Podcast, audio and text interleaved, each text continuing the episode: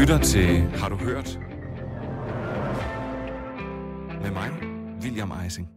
Ja, det var da godt nok lige en lidt høj intro, vi skulle have der. Men så har du måske hørt, det har du i hvert fald nu, skulle til at sige en intro, men at når snotten den løber hurtigere end ungerne, de kan æde den i Gladsaxe Kommune, så bliver de sendt hjem, fordi der her i coronatiden er flere kommuner, som har besluttet, at alle børn med løbende næser skal sendes hjem fra dagtilbud, selvom det eneste, de fejler, er en snotnæse. Ellers, ja, så har du måske hørt om en teenager ved navn Rasmus Højgaard. Han er 19 år fra Bilund, og så er han ellers en helvedeskarl til golf.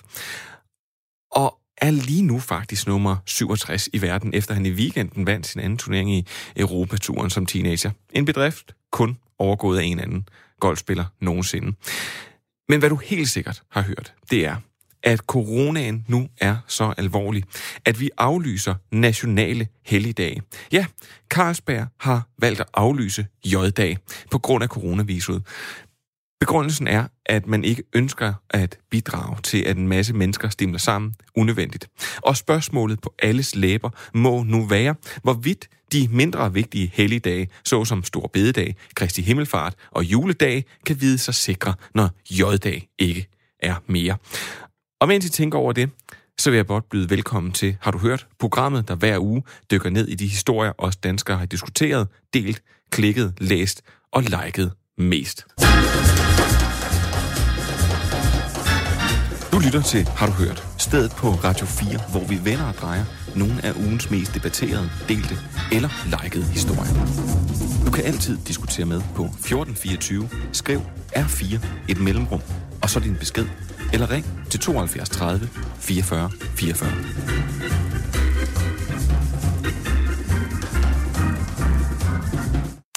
I dag skal vi runde et reality-program, der er i gang med sin 17. udgave.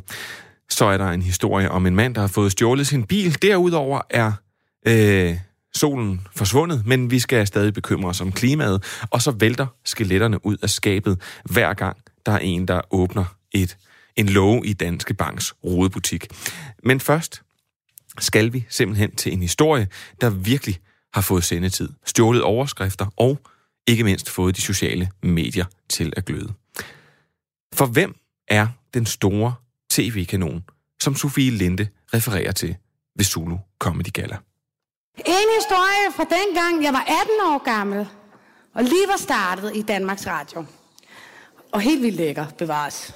Overhovedet ikke gravid ligesom nu. Jeg blev lige startet i Danmarks Radio. Vi skulle til julefrokost, og jeg havde glædet mig. Og så kommer der den her store tv-kanon op. Tager fat i min arm og siger, hvis du ikke går med ud og sutter min pæk, så fucking ødelægger jeg din karriere. Så ødelægger jeg dig. What? Jeg er ret sikker på, at du kigger på mig lige nu. Du ved godt selv, hvem du er. Du ved også godt, at jeg sagde nej. Men altså, det gik jo meget godt alligevel. Gjorde det ikke? Du ved godt, hvem du er. Sådan sagde Sofie Linde og pegede ind i kameraet, da hun som vært på scenen i operaen til Zulu Comedy Gala brugte anledningen til at fortælle om sexikane og afpresning i begyndelsen af sin karriere. Og vi kan ikke komme udenom Sofie Lindes historie om en stor tv-kanon, når vi ser, hvad danskerne er gået op i i denne uge her. Roser og kritiske røster har oversvømmet kommentarerne, og et af de spørgsmål, øh, som naturligvis bliver stillet, det er, Hvem er den store tv-kanon? Anne-Sophie Hermansen, du er kulturredaktør på Berlingske, og du er med os her nu. Øh, hvor meget har denne her historie fyldt øh, generelt? Øh, jeg kan sige, at i de kredse, jeg er færdig i, hvor der er mange øh, journalister, der har den naturligvis fyldt en del. Men øh, jeg tror også, den er fyldt en del, fordi det her er en klassisk MeToo-sag, og det er jo øh, et af de emner, vi har debatteret meget igennem de senere år, hvor der nu vælter skeletter ud af skabene, særligt medieskabene og kulturskabene, for det viser sig, at der faktisk ikke kun er tale om en Sofie Linde, der har haft dårlige oplevelser, men det er der rigtig mange kvinder, der har, og det er en syg kultur, og nu er der ved at blive indledt et opgør. Det er jo kun glædeligt. Ja, det kan vi godt blive enige om. Og prøv at høre, fordi det er jo, øh, det er jo sådan set, at, øh, at der lige pludselig er mange mænd, der så bliver nødt til at gå ud og skrive nogle ting. Og selvom de måske gør det lidt i sjov, så, øh, så kan man måske godt tænke sig det. Altså for eksempel Lasse Remer går ud og skriver på Twitter, jeg synes, jeg bør understrege, at jeg ikke har arbejdet for DR siden midt-90'erne, og jeg var langt fra en stor kanon. Sig det videre. Mads Steffensen, han deler så et billede af ham og Joachim Ingersen, øh, som er Sofie Lindes mand, og øh, har skrevet teksten Far og Søn. Og selvfølgelig gør han selvfølgelig lidt grin med det her, men det er jo måske også lidt at vaske sig i de her beslutninger. Fordi, og det er jo netop det, vi skal snakke om, fordi du mener jo, at Sofie Linde bør fortælle DR, hvem den store, det, øh, hvem den store tv-kanon er. Hvor, hvorfor skal ja, hun det? Jeg mener, at hun skal give navnet videre til DR-ledelsen. Jeg synes, det var korrekt, at hun ikke gav navnet videre til Twitter-domstolen, for så ville der være blevet indledt en heksejagt øh, på den pågældende person. Men DR har et ansvar her. De her ting er foregået under en julefrokost i DR, og jeg tror ikke kun, at man kan sige, at der er tale om en enkeltstående episode. Det er der jo også allerede flere, der har været ude at fortælle det her, der, der er tale om et kulturelt tegn, altså, men der er også øh, tale om, at når man som Sofie Linde er en, som virkelig har klaret sig så flot, som hun har, og hvilket der er alt muligt god grund til, fordi hun bare er dygtig, så har Sofie Linde faktisk også et ansvar over for de kvinder, der er der i dag, hvor hun var engang. Nemlig dem, der er praktikanter, dem, der er unge, dem, der er freelancer, dem, der sidder en lille smule yderligt rent karrieremæssigt, og dermed er et udsat sted for den her type mænd, som åbenbart ikke har fået en solid opdragelse med hjemmefra, der handler om, hvordan man egentlig gebærer sig, når man er sammen med andre mennesker. Så det er skal indlede en undersøgelse. De skal finde ud af, hvem er den pågældende person. Man kunne for eksempel åbne sådan en whistleblower-ordning, hvor der også er mulighed for, at andre kunne dele oplevelser, de har haft. Ikke bare omkring 2008 eller 10, eller hvornår det her er foregået, men faktisk hen over de senere år, og så kan det jo tænkes, at der aftegner sig et mønster. Og det har en ledelse altså et ansvar for at få gjort, øh, både for afdækket, men også at få gjort op med.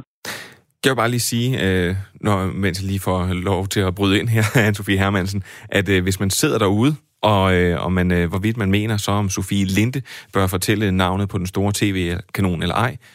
For eksempel, så det kan få konsekvenser, så skal man være velkommen til at diskutere med sammen med os. Det kan man gøre på sms 1424. Start beskeden med et R4, og så et mellemrum, og så ellers din besked. Prøv at høre. Det øh, Sofie Linde gerne ville i det her, det var, at hun gerne ville sætte fokus på problemet, øh, men ikke så meget det, at der skal rulle hoveder. Øh, hun kan alligevel ikke, tænker jeg, løfte en øh, bevisbyrde sådan rent juridisk. Men har hun alligevel ikke opnået det, som hun kunne her? Jamen, det er jeg ikke sikker på. Altså, jeg, jeg synes, hun har opnået øh, meget. Altså, og tusind tak for det.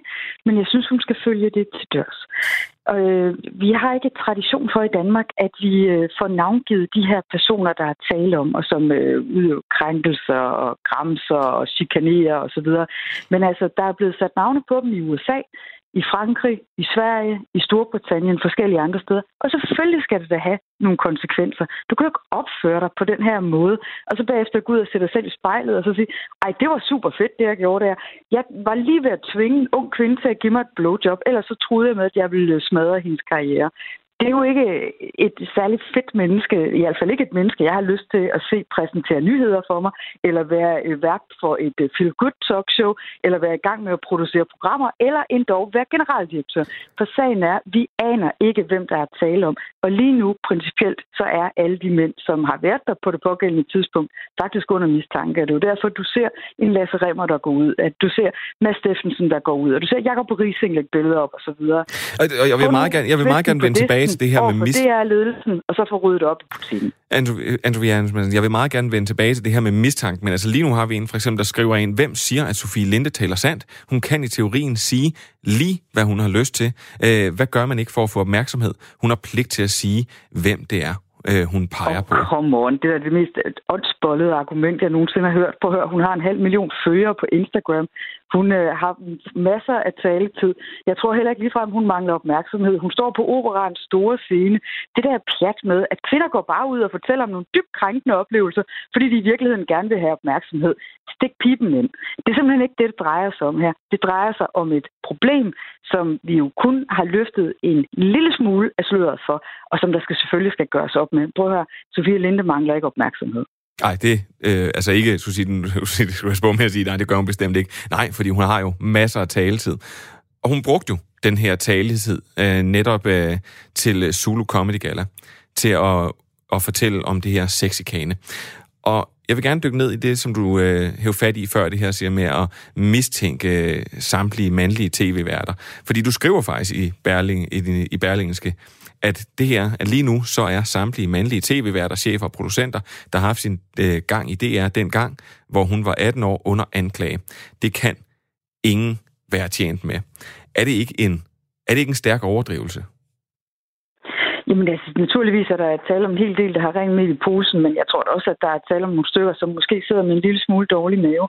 Altså lad os da bare få ryddet op i det. Altså det her, det handler ikke om, at jeg synes, det er enormt synd for, for alle mulige øh, stakkelsmænd og alt muligt andet. Det, jeg synes er synd, det er for alle de unge kvinder, som befinder sig på en meget udsat position, som er i starten af deres karriere, og som kan være udsat for gennem tiden magtmisbrug. For det er jo det, MeToo handler om. Det er, at du bruger din magt til at tiltvinge dig adgang til nogle seksuelle ydelser, som du faktisk ikke er berettiget til. Ham her, den såkaldte store tv-kanon, hvem siger, om der er overhovedet nogen, der gider at røre ham med en mistanke. Altså, men han står jo der og truer på en meget intimiderende og en ekstremt ubehagelig måde med, at han vil ødelægge hele hendes karriere. Skal vi bare lade ham fortsætte med at gå rundt? Jeg tror altså ikke på, at at det kun er en enkeltstående hændelse. Jeg tror, der taler om et mønster for vedkommende. Og det der, skal vi det have frem? Det skal vi det have gjort op med? Hvad er problemet i det? Anne-Sophie Hermansen, øh, lige før jeg siger øh, farvel til dig, så er der lige kommet sms ind, øh, hvor at Arne han skriver en anklage uden bevis af en bagvaskelse. Jeg ved godt, at det er at koge det meget ned. Men der er jo ikke navngivet vi... nogen person, så hvad, hvem er det, der er bagvasket?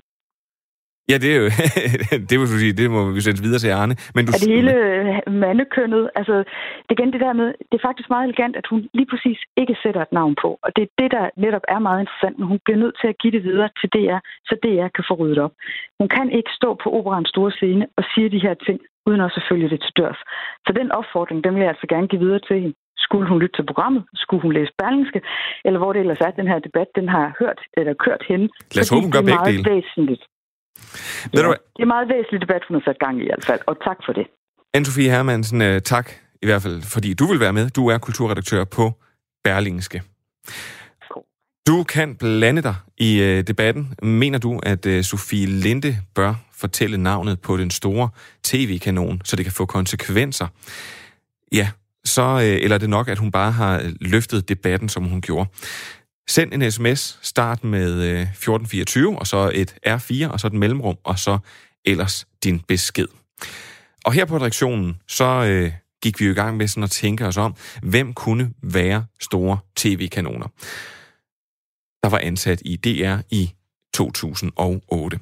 Og om de eventuelt følte sig mistænkeliggjort, når Sofie Linde hun gik ud og ikke ville sætte navn på. Og derfor så ringede vi til den gavede tv-vært Reimer Bo Christensen, der i 2008 var nomineret som årets tv-vært. Reimer Bo, øh, du var selv en, øh, en stor tv-kanon, da Sofie Linde hun var 18 år. Er det dig, hun refererer til ved Zulu Nej, Comedy det... Award? Nej, det er det øh, overhovedet ikke. Jeg ved heller ikke, om jeg er en stor kanon, men det er sådan set lige meget. Nej, det er ikke mig, hun refererer til. det ved jeg jo af den simple grund, at jeg aldrig nogensinde har stukket sådan et tilbud ud til nogen som helst. Så det, det har jeg ikke. Jeg kan godt huske hende. Jeg ved ikke, om jeg kan huske hende, da hun var 18. Jeg kan huske, da hun startede som børnevært. Fordi det passede fint med mine yngste pigers alder. Vi var ude og se på sommer som om på Amager. Vi fulgte med, at de så det. Og allerede dengang kunne man se, at hun var et kæmpe, enestående talent, som jo også er blevet mega, mega stor. Så, så det, jeg skal forstå, det er, at selvfølgelig kan du huske hende, men du føler dig ikke mistænkeliggjort? Nej, det gør jeg ikke. Altså, det må folk jo selv om. Jeg ved jo, øh, hvad der ikke er sket, øh, så, så det er jeg ligeglad med. Men øh, jeg vil så sige, at hun er jo ikke bare en stor vært, som står og spejler sig selv i øh, linsen, hvad nogen værter desværre gør. Hun er jo en vært, der tør noget. Hun er jo den eneste, der har sat Blackman på plads i X-Factor. Det ser jeg så hver 14. dag, fordi der ser jeg ser, når jeg har mine piger. Det er et godt familieprogram. Øh, og så får hun så, øh, Zulu kommer det gala, og der stiller hun sig heller ikke bare op og prøver på at, at klappe øh, landets stand og på ryggen og blive populær. Hun stiller sig selv op og tager føring, og så fyrer hun den der af. Øh, om det, der er sket for, for 12 år siden, er det vist. Øh, det synes jeg er virkelig modigt og fremragende, godt gjort. Hun rejser jo en kæmpe debat. Ja, og, og den men... debat, den, han, den skal ikke handle om hende, om at hun skal nu komme med navnet og alt det der pjat, folk har været ude med. Øh, det er jo ikke hende, der er overgrebsmanden, det er jo hende, der er offeret. Og hun taler jo på alle offers vegne, og det gør hun rigtig flot. Men den her debat her, den har jo været i gang. Kan, altså, kan man bare stille sig op sådan her, øh, hvor prisværdigt ja. det er eller ej, og så slynge ja. øh, anklager ja. om sexikagen ud? Ja, det kan man. Hun fylder jo også af, og det er lige så vigtigt en debat, at der ikke er ligeløn. Det fyrer hun også af. Det er der bare ikke nogen, der reagerer på, for det, det må hun sagtens sige, og hun får, går ikke engang for det halve af, hvad Blackman fik. Det er meget konkret. Det, det er den offentlige debat ligeglad med, fordi den offentlige øh, debat vil skide ligeløn. Det vil jeg så ikke. Øh, hun rejser to samfundsdebatter, som er vigtige, og det er ligeløn, og det er sexchikane. Øh, det giver hun male. Det synes jeg er godt. Der kommer gang i sådan en debat. Det skal jo handle om, hvad er det, der sker. Jeg har selv tre døtre. Det vil så sige, hvis der var nogen, der begyndte med sådan noget over for dem, så var jeg ikke sikkert, at retsplejeloven ville beskytte dem nok. Altså, men øh, det skal jeg så ikke sidde at sige. Men, øh, men jeg vil bare sige, den debat er jo ikke slut. Og den er jo heller ikke slut med, at Danmarks Radio så siger, vi har spurgt Sofie Linde, om hun kan nævne navnet. Nej, det kan hun ikke. Så den sag slut. Nej, nej. Det er jo en hver arbejdsgivers øh, ansvar. Og en hver kollegas ansvar. Også kolleger på min alder dengang. Jeg er 70 nu. Jeg har været 58, hvis jeg regner det ud dengang. Øh, der har det også været mit og andres ansvar, at der ikke er nogen, der, der bliver offer for sex, chikane, offer for overgreb, trusler eller pression eller noget som helst. Og, det, og der, det slutter jo ikke bare med, at man laver en undersøgelse. Det, der synes jeg, man må gå efter på Danmarks Radio, på Radio 4, på TV2, på Jyllandsposten, på Tandlægehøjskolen, på teatrene, på slagterierne, på kontorerne, i den offentlige administration, at vi er sikre på, at vi holder fester, og vi, holder, vi, vi laver sammentræde på en måde, som øh, vi kan forsvare. Det er en vigtig diskussion. Men, men Reimer Boger, Anne-Sophie Hermansen fra Berlingske, hun siger, hun, hun synes, ja. at Sofie Linde bliver nødt til at komme ja. med et navn. Og du siger også, at den her sag skal bringes videre. Men det virker jo ikke rigtig, som om den bliver bragt ja, videre, fordi det har jo, har jo ikke et navn. Nej, men det er jo heller ikke en navnled, vi diskuterer. Det er jo en samfundsdebat, som er rejst. Anne-Sophie Hermansen, hun er verdensmester i afspore debatter. Det, det har hun gjort til en, en uh, levevej. Nu skal det handle om, at Sofie Linde, hun kaster øh, mistanke på sådan nogen som mig, og så bliver vi nogle klønkende offer. Gukker hun der ej. Hun rejser en debat, så synes jeg da hellere, at Hermansen og Berlingske Tid skulle gå ind i den debat. Fordi der er åbenbart noget at debattere. Så lad os få det debatteret. Lad os, øh, lad os sikre, nu er der lige kommet en, øh, en ny lovgivning i, lanceret i går om samtykke øh, i hele behandlingen af voldtægtssager. Voldtægt er det groveste overgreb, men der er mange andre overgreb. Så lad os da få den diskussion. Det synes jeg, der er enormt væsentligt. Og det synes jeg egentlig, øh, vi som samfundsborgere skal takke Sofie Linde for, at hun tør. Så, det er ikke ret så, mange, der tør. Så det, jeg skal, så det, jeg skal du forstå... Tør, du tør jo ikke. Du tør jo ikke at fyre noget af om nogle arbejdsgiver. Eller andre. det tør du ikke. Men Remmerbo, så skal jeg forstå dig helt præcist, at det, som du siger nu, det er, at hvis man føler sig mistænkeliggjort, som mand for eksempel, når, det, når der bliver kommet sådan nogle beskyldninger her, så er det fordi, at man har noget at gemme, eller hvad? Nej, nej, nej, nej, nej. så simpelthen min logik ikke. Jeg synes, hvis man føler sig mistænkeliggjort, så læg det til side, for det er ikke et hensyn til den enkelte lille gråhårede mand, der handler om her.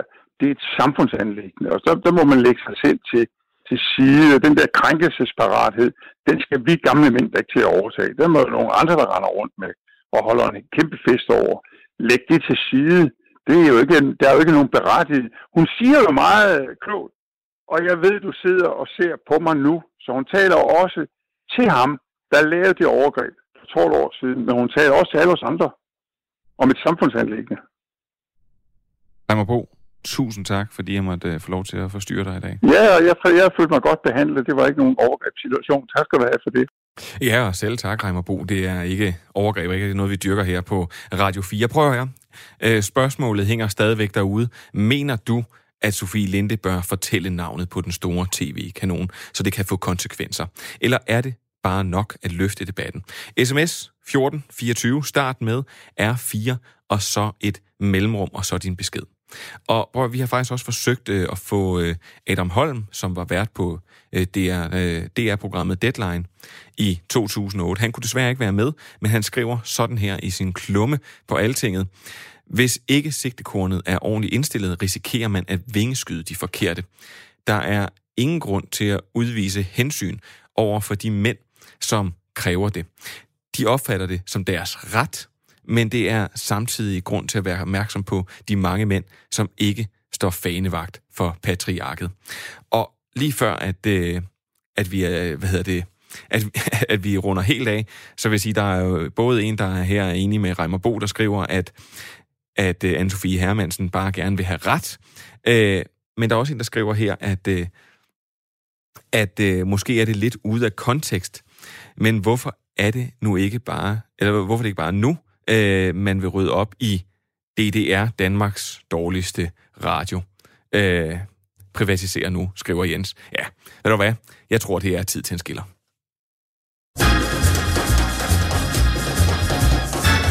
Du lytter til Har du hørt? Stedet på Radio 4, hvor vi vender og drejer nogle af ugens mest debatterede, delte eller likede historier. Du kan altid diskutere med på 1424. Skriv R4 et mellemrum, og så din besked. Eller ring til 72 30 44 44.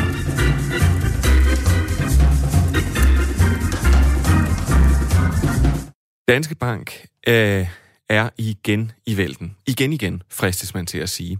Og det her er en af de historier, øh, man næsten skal leve under en sten, hvis man skal have overset.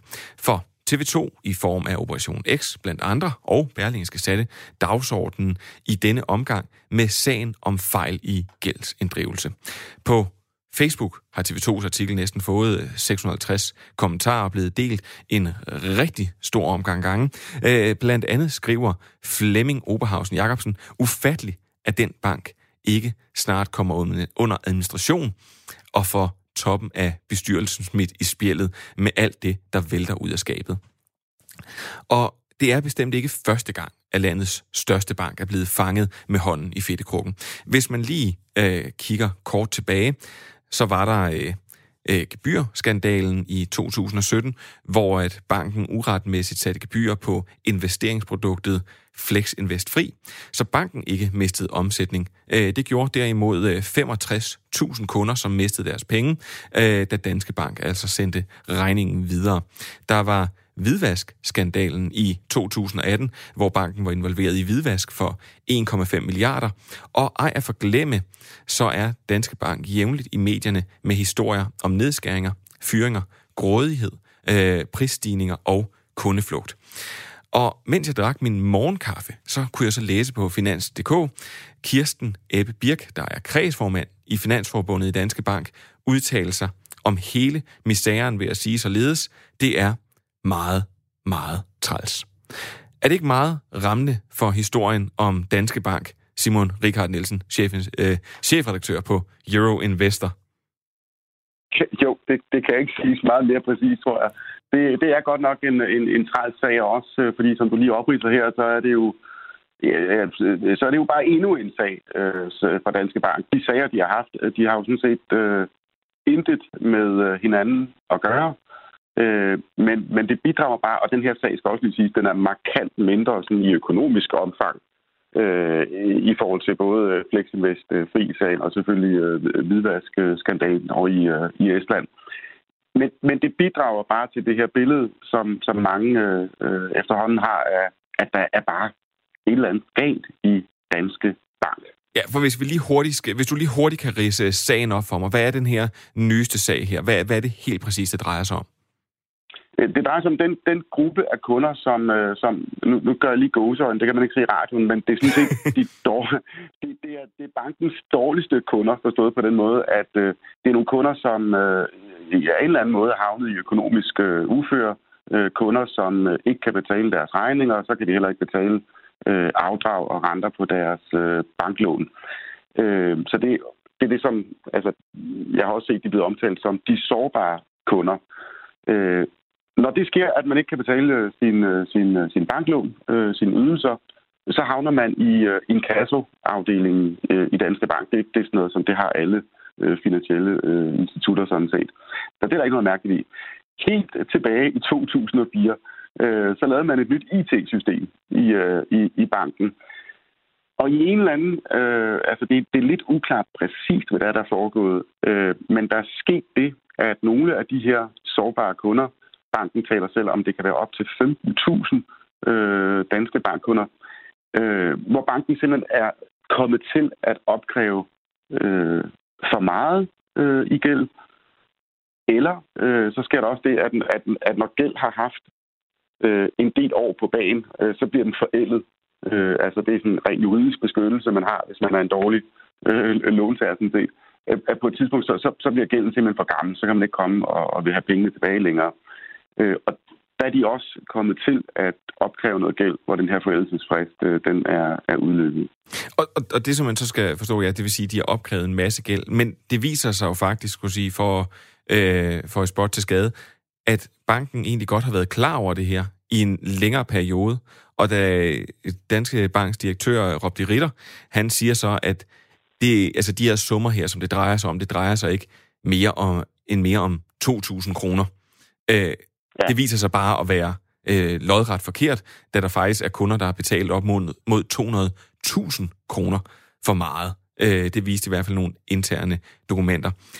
Altså, hvor stiller den her sag sig i forhold til andre sager? Fordi nu er det reelt, reelt som jeg forstår det, kun 200 millioner, det drejer sig om, op mod for eksempel 1,15 milliarder i hvidvasksagen.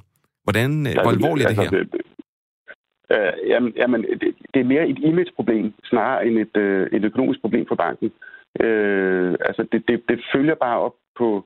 Jeg tror, du, hvis man skulle være lidt praktisk, så kunne man sige, hvis nu øh, Danske Bank, hvis vi skulle sammenligne med den offentlige sektor, så har vi også haft nogle skandaler i skat, og der har været lidt i forsvaret, og der har været hende Brita, øh, som, som, som stjal af kassen. Men, men det betyder jo ikke, at, at hele den offentlige sektor i Danmark er ved at bryde sammen. Og det er altså heller ikke øh, det, det, det er ikke det billede, man, man skal få øh, af Danske Bank. Men jeg ved godt, jeg kan godt se derude, at der er mange, der har den der opfattelse af, der er simpelthen noget afgustende galt øh, i, i, i den der store bank øh, på Holmens Kanal i København. Øh, men, men den her sag, den nye sag her, den er meget, meget lille. Altså, den er nærmest forsvindende lille, hvis man skulle sammenligne det økonomiske omfang med for eksempel hvidvaskskandalen over i Estland. Altså, der, der taler vi, du, du nævner, var du nævner 1,5 milliarder.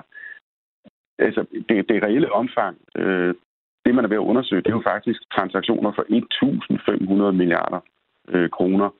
Og, og der risikerer Danske Bank at få nogle voldsomt store øh, milliardbøder fra, ja, fra forskellige retsinstanser rundt omkring, altså forskellige lande, som, som, som er involveret i det her. Den store, det er selvfølgelig det amerikanske justitsministerium, som også er gået ind i sagen. Øh, så og det er vi altså ikke ude i her. Øh, Danske Bank er ikke ved at ligge på knæ. Man kan sove fuldstændig trygt om natten, hvis man har penge stående i Danske Bank. Altså, det har, det har intet på sig, at, at det er noget, der ryster øh, bankens øh, sådan helt grundlæggende økonomiske tilstand. Nej, men, du, men, men du siger bare rigtig skidt ud. Ja, men du siger, at det her det er simpelthen et image-problem. Og så vil jeg faktisk egentlig godt lige spørge, øh, med, spørge ud til lytterne. Øh, stoler du på Danske Bank? Hvorfor? Øh, hvorfor ikke? Prøv at sende en sms herind til 1424. Start med R4, et mellemrum, og så din besked. Og så vil jeg spørge dig, Simon hvor lang tid kan det her blive ved for Danske Bank? Altså prøv at høre, jeg forestiller mig sådan, at hver gang, at der er en journalist, der går ind og roder lidt i nogle papirer og roder ind i skabene, så vælter skeletterne ud. Altså, hvornår er der nogen, der siger nok? Hvor, hvor lang tid kan Danske Bank reelt fortsætte sådan her? Uh, ja, det, det er selvfølgelig et, et, et godt spørgsmål. Det kommer selvfølgelig an på sagernes omfang, og man kan jo forestille sig alle mulige ting. Jeg, jeg synes, at man skal sige, uh, altså til bankens forsvar, så har de... Uh, øh, jo fået et, et, altså det er en helt ny ledelse, der sidder der. Den blev, altså både i bestyrelsen og i, i øh, den øverste direktion er det nye folk, der sidder der. Øh, altså de har jo ikke personligt nogen lige i lasten. Og jeg tror faktisk, øh, når, øh, når den nye bestyrelsesformand Carsten Døbed, han siger, at, at de er i gang med en større kulturel øh, altså oprydning i, i den her bank. Øh, jeg ser ingen grund til, at man ikke skulle tro på det, han sådan set siger. Det, der har været sagen med Danske Bank sådan historisk, det er, at man nok har gået og puttet lidt med de her fejl. Der har været sådan en nulfejlskultur. Øh, og, og, og hvis der bliver begået fejl, så må man for guds skyld ikke sige noget om det. Altså, det er en meget mere åben bank. Man kan bare gå ind på deres hjemmeside, så kan man læse alt om, om den her sag. Altså, hvor mange, øh, hvor mange sager er det, hvor mange kunder er det, hvad er det, sådan, de økonomiske omfang osv. Så, så det er ikke sådan, de går og putter med det og gemmer sig, som de måske gjorde øh, lidt før i tiden. Men, men altså, det, det er jo en giftig sag også lige nu, fordi der er et politisk spil omkring bankerne, som skal øh, betale for retten til tidlig, øh, tidligere pension til, til nedslidte grupper på, på arbejdsmarkedet. Og der, der spiller den her jo direkte ind i regeringens... Øh, altså, de Ja, ind i- ind i, hvad de går og mod bankerne, ikke? og så Simon- kommer der kunne hjælpe med endnu en sag. ja, for, Så det er jo heldigt for dem. Så Simon, det du, det du siger, det er, at øh, Danske Bank, som altså er landets største bank, hvis vi skal have helt kort her til sidst, det er altså ikke i morgen, de lukker ned, på trods af, at de Nej, her nej, nej, nej, øh, nej. skandalesager, de vælter ud. Prøv, Simon Richard Nielsen, chefredaktør på Euroinvestor. Tusind tak, fordi du vil være med og gøre os øh, klogere på, lad os kalde det, den seneste rise i lakken for øh, landets største bank. Velbekomme.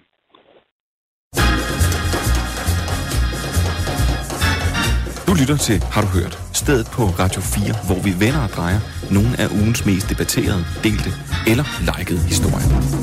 Du kan altid diskutere med på 1424, skriv R4 et mellemrum, og så din besked, eller ring til 72 30 44 44.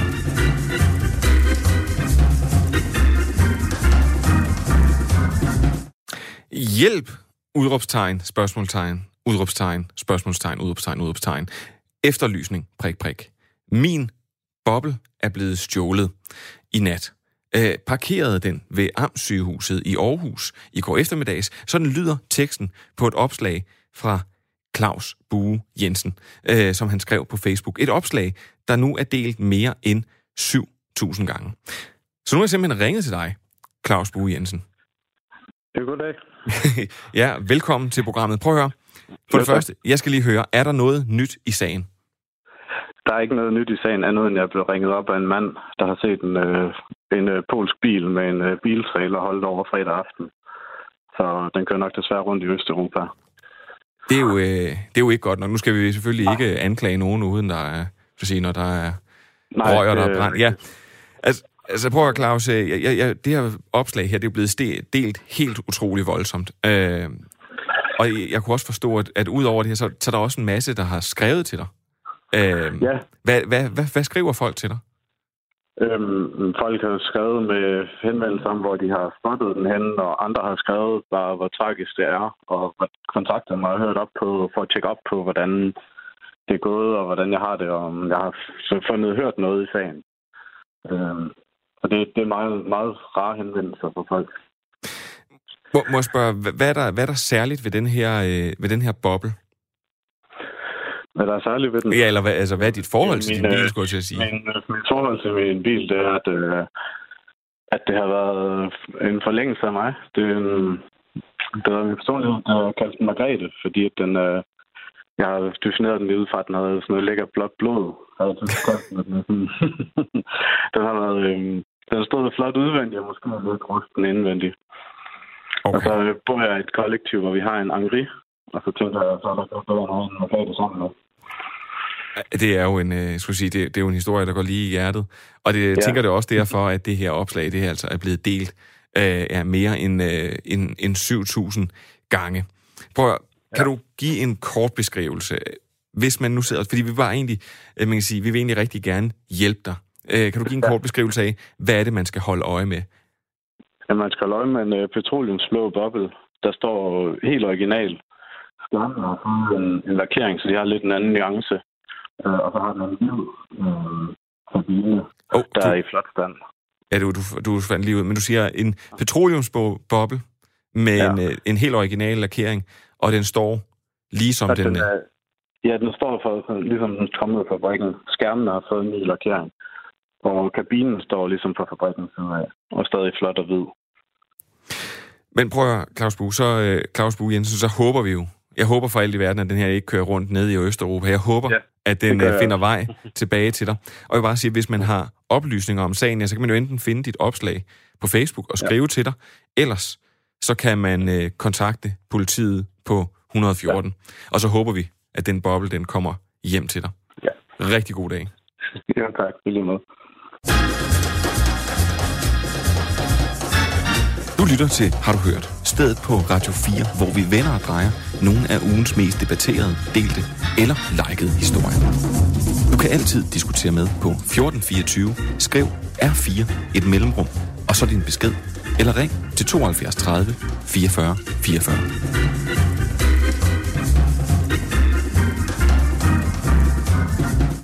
Hver uge, når vi her på redaktionen skal sammensætte, har du hørt, så bruger vi altens smarte værktøjer, hvor vi kan se, hvilke historier, der er klikket og læst og delt mest. Men vi går nu også lidt analog til værst. Øh, det gør vi her i indslaget Lyt til en lytter, hvor jeg hver uge ringer ud til en lytter af programmet og spørger dem, hvad er det for en historie, som de har bidt mærke i? Hvad har de diskuteret med deres børn, venner, familie eller kollegaer? I sidste uge så var det Forsvarets efterretningstjeneste, men i den her uge er det en lidt anden historie. Jeg ringede nemlig til Gunnar Petersen, far til fire, øh, hvor to af dem er hjemmeboende, fraskilt tidligere elektriker, nu speciallærer på en folkeskole. Og sidst, men ikke mindst, øh, så voksede han op som en del af det danske mindretal, men han har nu boet i Danmark i 26 år. Så han er faktisk i gang med at få sit statsborgerskab. Men om ikke andet, ja, så spurgte jeg Gunnar, hvad det var, der havde gjort indtryk på ham i den her uge. For første gang i lang tid hørte jeg en kommentere i radioen, at børns, børns mistrivsel og, og skyldfølelse, der fremkommer af, af vores måde at behandle jorden på, at, at de klimaproblemer, vi har, det er jo noget, børn også får fat i. Og hvad gør det ved vores børn? Det, det synes jeg faktisk er meget bekymrende. Tillad mig at starte i den lidt øh, dystre ende. Verdenshavene stiger hurtigere, end de har gjort i 2000 år. Isen på Grønland, Arktis, smelter. De varmeste fire år, der nogensinde har været målt, er de fire seneste. Dyre- og plantearter forsvinder og kommer aldrig igen. I nogle tilfælde går det tusind gange hurtigere, end det burde. Vi må ikke gøre det, det der skal til for at løse nogle af klimaudfordringerne, ved at vores erhvervsliv knækker halsen. My message is that we'll be watching you. This is all wrong. I shouldn't be up here. I should be back in school on the other side of the ocean. Yet you all come to us young people for hope. How dare you? You have stolen my dreams and my childhood with your empty words. And yet I'm one of the lucky ones. People are suffering. People are dying. Entire ecosystems are collapsing. We are in the beginning of a mass extinction, and all you can talk about is money and fairy tales of eternal economic growth. How dare you? Jeg tror, vi undervurderer, hvilken konsekvens det kan have. Og jeg synes selv som forældre, jeg er udfordret, når, når, når vi ser naturfilm, og der lige pludselig kommer et indslag, øh, at jamen, den og den dyreart er truet, og så og så meget bliver det varmere, og det giver flere oversvømmelser. Så øh, jeg synes, vi, vi, vi har en opgave som forældre. Gunnar, du har fire børn. Øh, to Ja. af dem er hjemmeboende, og to, øh, to er fløjet for redden. Snakker du med dem om det her? Ja, det gør jeg i hvert fald, men ikke med, med de store egentlig ikke så meget, men, men mindst det har jeg, har jeg øh, vi ser gerne naturfilm, og som sagt, så kommer emnet jo op, ikke? Og, og også i nyhederne, de har jo også set Greta Thunberg og, og er lidt fascineret, men, men også, altså jeg synes, at det er pinligt, at det er børnene, der skal stå frem og, og, og demonstrere Friday, Friday for Future, og, og vi forældre, vi kører troskyldigt på arbejde, ikke? fordi øh, det, det, det kan jo fremme en mistrivsel, ikke? Man kan jo sammenligne det med, at hvis børn oplever et dødsfald eller sygdom eller skilsmisse, så, så er det faktisk, altså jordens undergang, det må man jo også kunne sige, det kan sammenlignes på den måde. Og den mistrivsel kan jo føre til mange ting, altså lige fra tristhed og skyldfølelse og angst og bekymring og aggressioner, og de trækker sig tilbage socialt. Det, det er jo truende, den, den måde, vi behandler jorden på, kan man sige. Øh, selv, selvom mange ikke vil ved det. Hvad gør sådan en historie ved dig? Altså, hvorfor er det den, der ender med at fylde så meget for dig i løbet af sådan en uge? Jamen, fordi det, det gør den faktisk, øh, fordi vi, vi, vi, vi diskuterer, hvad der skal ske, og, og, og øh, vi, for eksempel nu efter, efter coronakrisen, der kunne man se, at i, i Kina himlen blev lige pludselig synligt igen i, i øh, i Beijing eller andre byer, hvor, hvor, hvor, hvor man før han gik med mundbind på, øh, på grund af forurening, så kunne man se himlen, og, og, og vi kunne måle, at, at naturen fik det bedre, at det fuglene sang mere og fløjtede mere, der var, der var mere plads til naturen og jeg troede egentlig, måske skulle vi tage lidt med os af det fra, fra coronakrisen, men nu kører vi med fuld gas på arbejde igen og står i køen om morgenen, ikke? og ingenting sker. Og det var også det, Thunberg for nylig sagde sammen med en anden miljøaktivist, sammen med Angela Merkel ned på et stort møde i Tyskland, at, at jamen, der skal ske noget. Og det har vi sagt i 30, 40, 50 år, og der sker ikke noget. Ikke? Og det, det, det, det, jeg er bekymret over det oprigtigt, og jeg står her og skal forberede mine kære elever og mine egne børn på verden og, og fortælle dem, hvad de skal gøre. Og som voksen gør vi egentlig ikke rigtig noget. Vi svigter dem egentlig. Ikke? Altså, øh, ja. Så jeg, jeg egentlig synes, at vi skulle gøre noget radikalt, og hver fredag gå hen og få en rådhus og demonstrere, øh, selvom man bliver gjort til grin. Men hvis der er nok, der gør det, måske hjælper det, hvis, hvis samfundets øh, økonomi den begynder at lide under Fridays for Future, fordi de voksne pludselig deltager. Ikke? Det er jo egentlig vores opgave, og ikke børnenes opgave. Så, øh. Således opmuntret. Gunnar Petersen, tusind ja. tak, fordi du vil øh, være med og, jamen, og fortælle, ja, ja. hvad det er for en historie, der har rørt dig den det her. Kan, tak skal du have, og det kan jo være, at vi ses en fredag lige for en, for en, øh, for en Christiansborg eller Rådhuset, så må vi jo se, om, om vi kan, kan råbe op til, til, noget, til en ny adfærd. Hvis du, ligesom Gunnar Petersen, gerne vil fortælle mig, hvilken historie i nyhedsstrømmen, der har gjort et indtryk på dig, eller som du har diskuteret vidt og bredt, så kan du altid skrive til, har du hørt. Det gør du på hørt, eller hort, H-O-R-T, snablag radio4.dk, og så kan det være dig, jeg ringer til en uge. Du lytter til Har du hørt? Stedet på Radio 4, hvor vi vender og drejer nogle af ugens mest debatterede, delte eller likede historier. Du kan altid diskutere med på 1424. Skriv R4 et mellemrum, og så din besked. Eller ring til 72 30 44 44.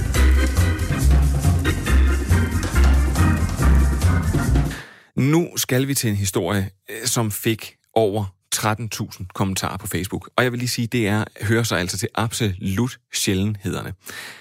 I fredags, der delte Se og Hør nemlig en historie om et program, der søger nye deltagere. Og lige siden, ja, så er det væltet ind, og jeg, og jeg bliver nødt til at sige væltet ind med kommentarer.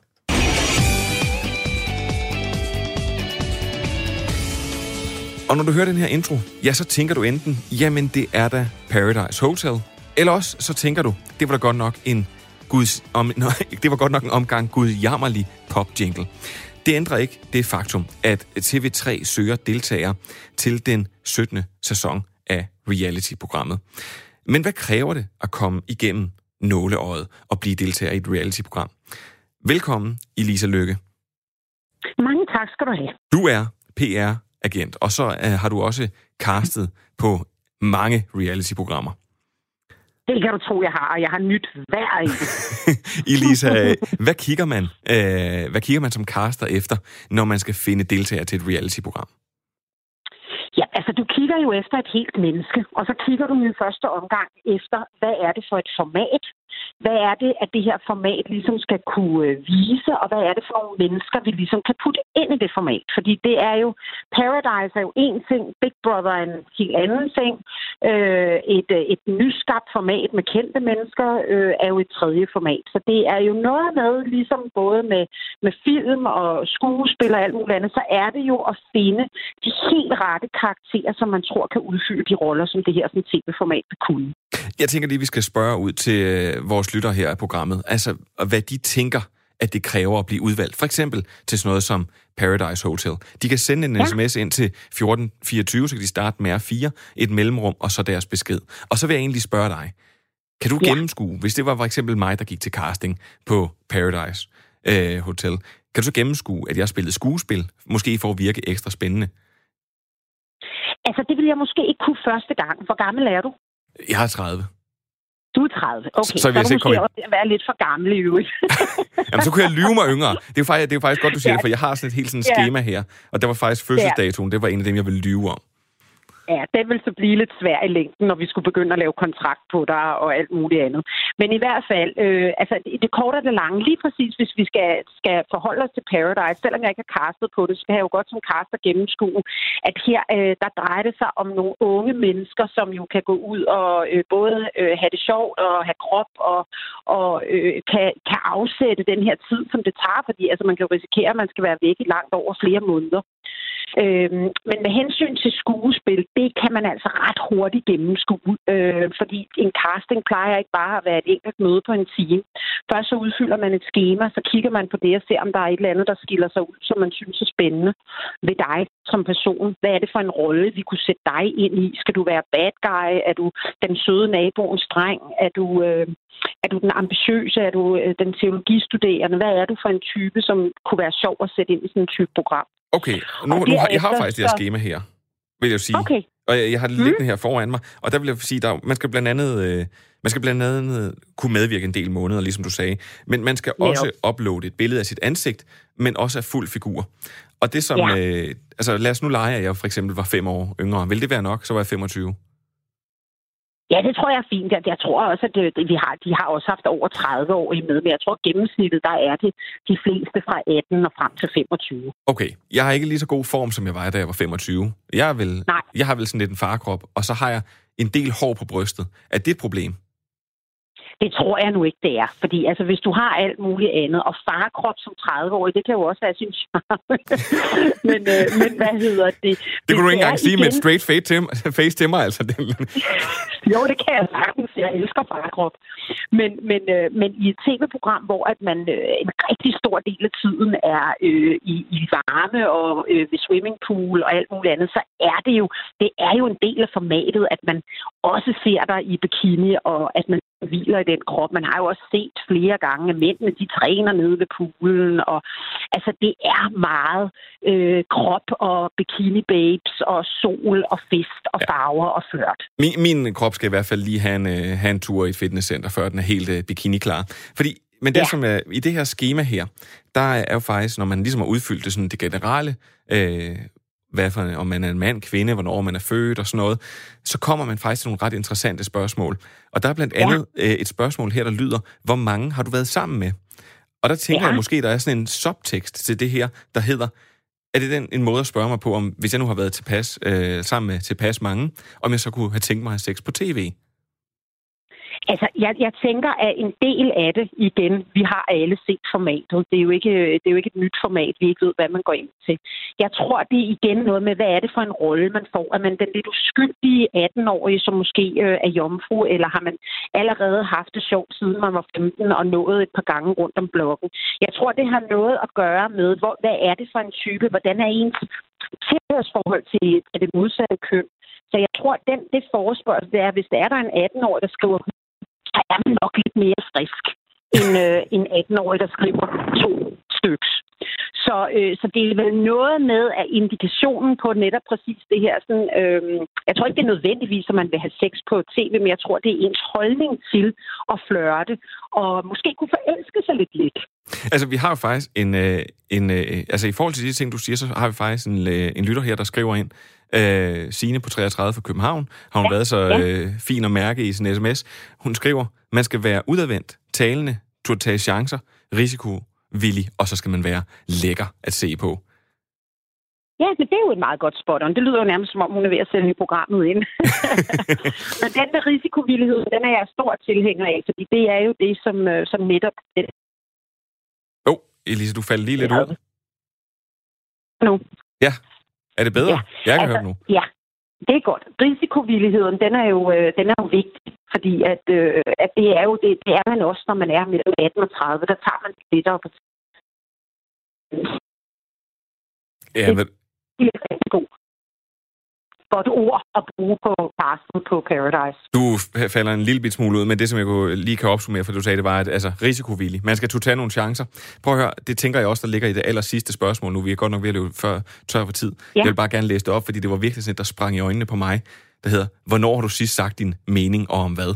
Der tænker jeg, at det er, øh, det er vel lige præcis det, man prøver at luge ud efter. Nogen, der tør stille sig op og virkelig sige noget og gå til stålet. Det er Altså, folk, der kan levere i det her sådan, program. Folk, der ikke bare ligger netop og kun kine, men rent faktisk også har en holdning, og man kan mærke, at det er nogle mennesker, der har temperament, og ikke er bange for at melde ud øh, over for andre mennesker. Det er jo også vigtigt i et program, hvor man skal være i så mange måneder. Men prøv at høre, Elisa Lykke. Øh, med de tips, så kan man jo så faktisk sige, at så er du rent faktisk leveret. Masser. Fuldstændig. og prøv at høre, øh, øh, i manuset, der har øh, verdens, frække producer, verdens frækkeste producer øh, har skrevet, at, øh, jeg, at hun siger, at jeg skal sende, øh, sige, at jeg sender en ansøgning afsted og se, hvornår de ringer. Det tror jeg nok, at... Øh, jeg tror ikke, det sker. Prøv at, Elisa, tusind tak, fordi jeg du vil være... Jeg vil held og lykke. Ja, mange tak. Hej.